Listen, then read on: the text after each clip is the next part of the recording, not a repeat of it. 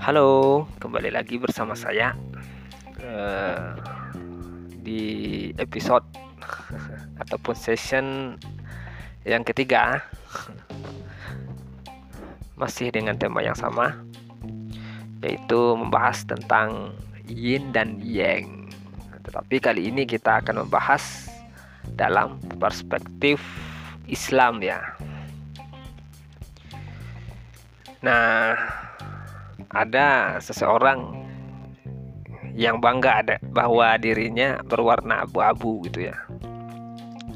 Menurutnya ia selalu berada di pihak yang moderat gitu yang netral padahal jelas warna itu warna perpaduan ya antara warna hitam dan warna putih gitu kita sebutlah mencampurkan atau kita anggaplah kita, yang dia mencampurkan yang baik dengan yang buruk gitu. Padahal untuk mendeskripsikan dua hal itu sudah diwakilkan gitu oleh warna hitam dan warna putih saja itu ya.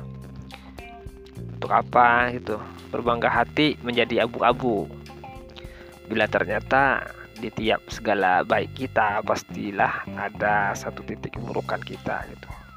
Pun ternyata di tiap segala buruk kita pastilah terselip satu kebaikan kita. Bukankah mencampurkan yang baik dan buruk menjadi satu? Malah bisa dibilang tindakan yang hina gitu ya. Bukankah hal ini yang ingin disampaikan oleh simbol yin dan yang gitu? Simbol yin dan yin dan yang ini itu adalah simbol dari agama Buddha sebenarnya. Tapi tahukah kita? ternyata simbol ini syarat akan makna filosofis kehidupan dan ternyata relates gitu dengan sejarah Islam. Kala itu Nabi Muhammad memiliki seorang sahabat bernama Alqamah radhiyallahu anhu. Alqamah dikenal dengan sahabat yang amalannya paling mirip dengan Nabi. Dia berakhlak berakhlak seperti Nabi dan beribadah seperti Nabi. Tapi naasnya kenapa? Saat meninggal, ia mengalami kesulitan dalam sakaratul mautnya gitu.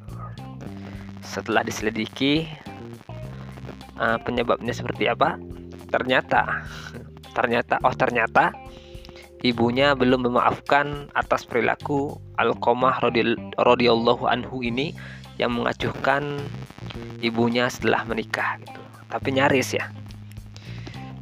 Nyaris sekali uh, Nabi membakar Alqamah ini gitu. Bila saja sang ibu sang ibundanya tak memaafkannya gitu. Terlihatkah? Di skala baik,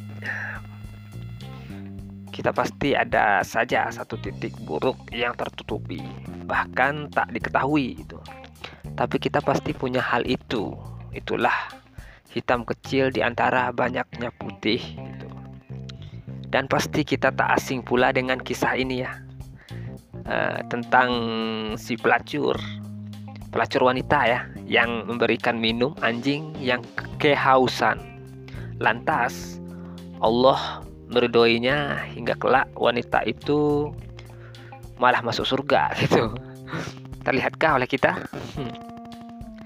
Di segala buruk kita pastilah ada satu baik kita juga gitu. Mungkin kita tak sadar atau memang sekarang belum sadar.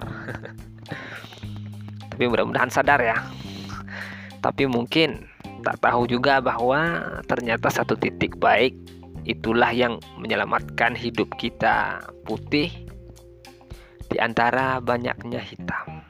Gitu ya. Maka tak perlulah kita berhayal untuk jadi abu-abu. Siapakah sang abu-abu itu? Itu ah, nah timbul pertanyaan. Yang pertama ciri-ciri yang abu-abu ya. Apabila ia berkata ia akan dusta.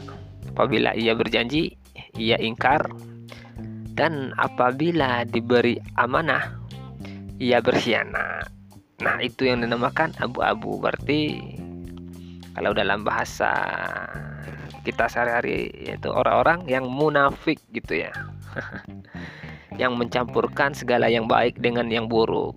Dunia takkan pernah punya tempat untuk sang abu-abu sedemikian. Tentunya di dunia ini cuma ada dua gitu ya. Warna gitu. Yang putih dan yang hitam. Tentukan sikap biar Tuhan yang menjadi sebaik-baik penonton, pengawas, dan penilai kita.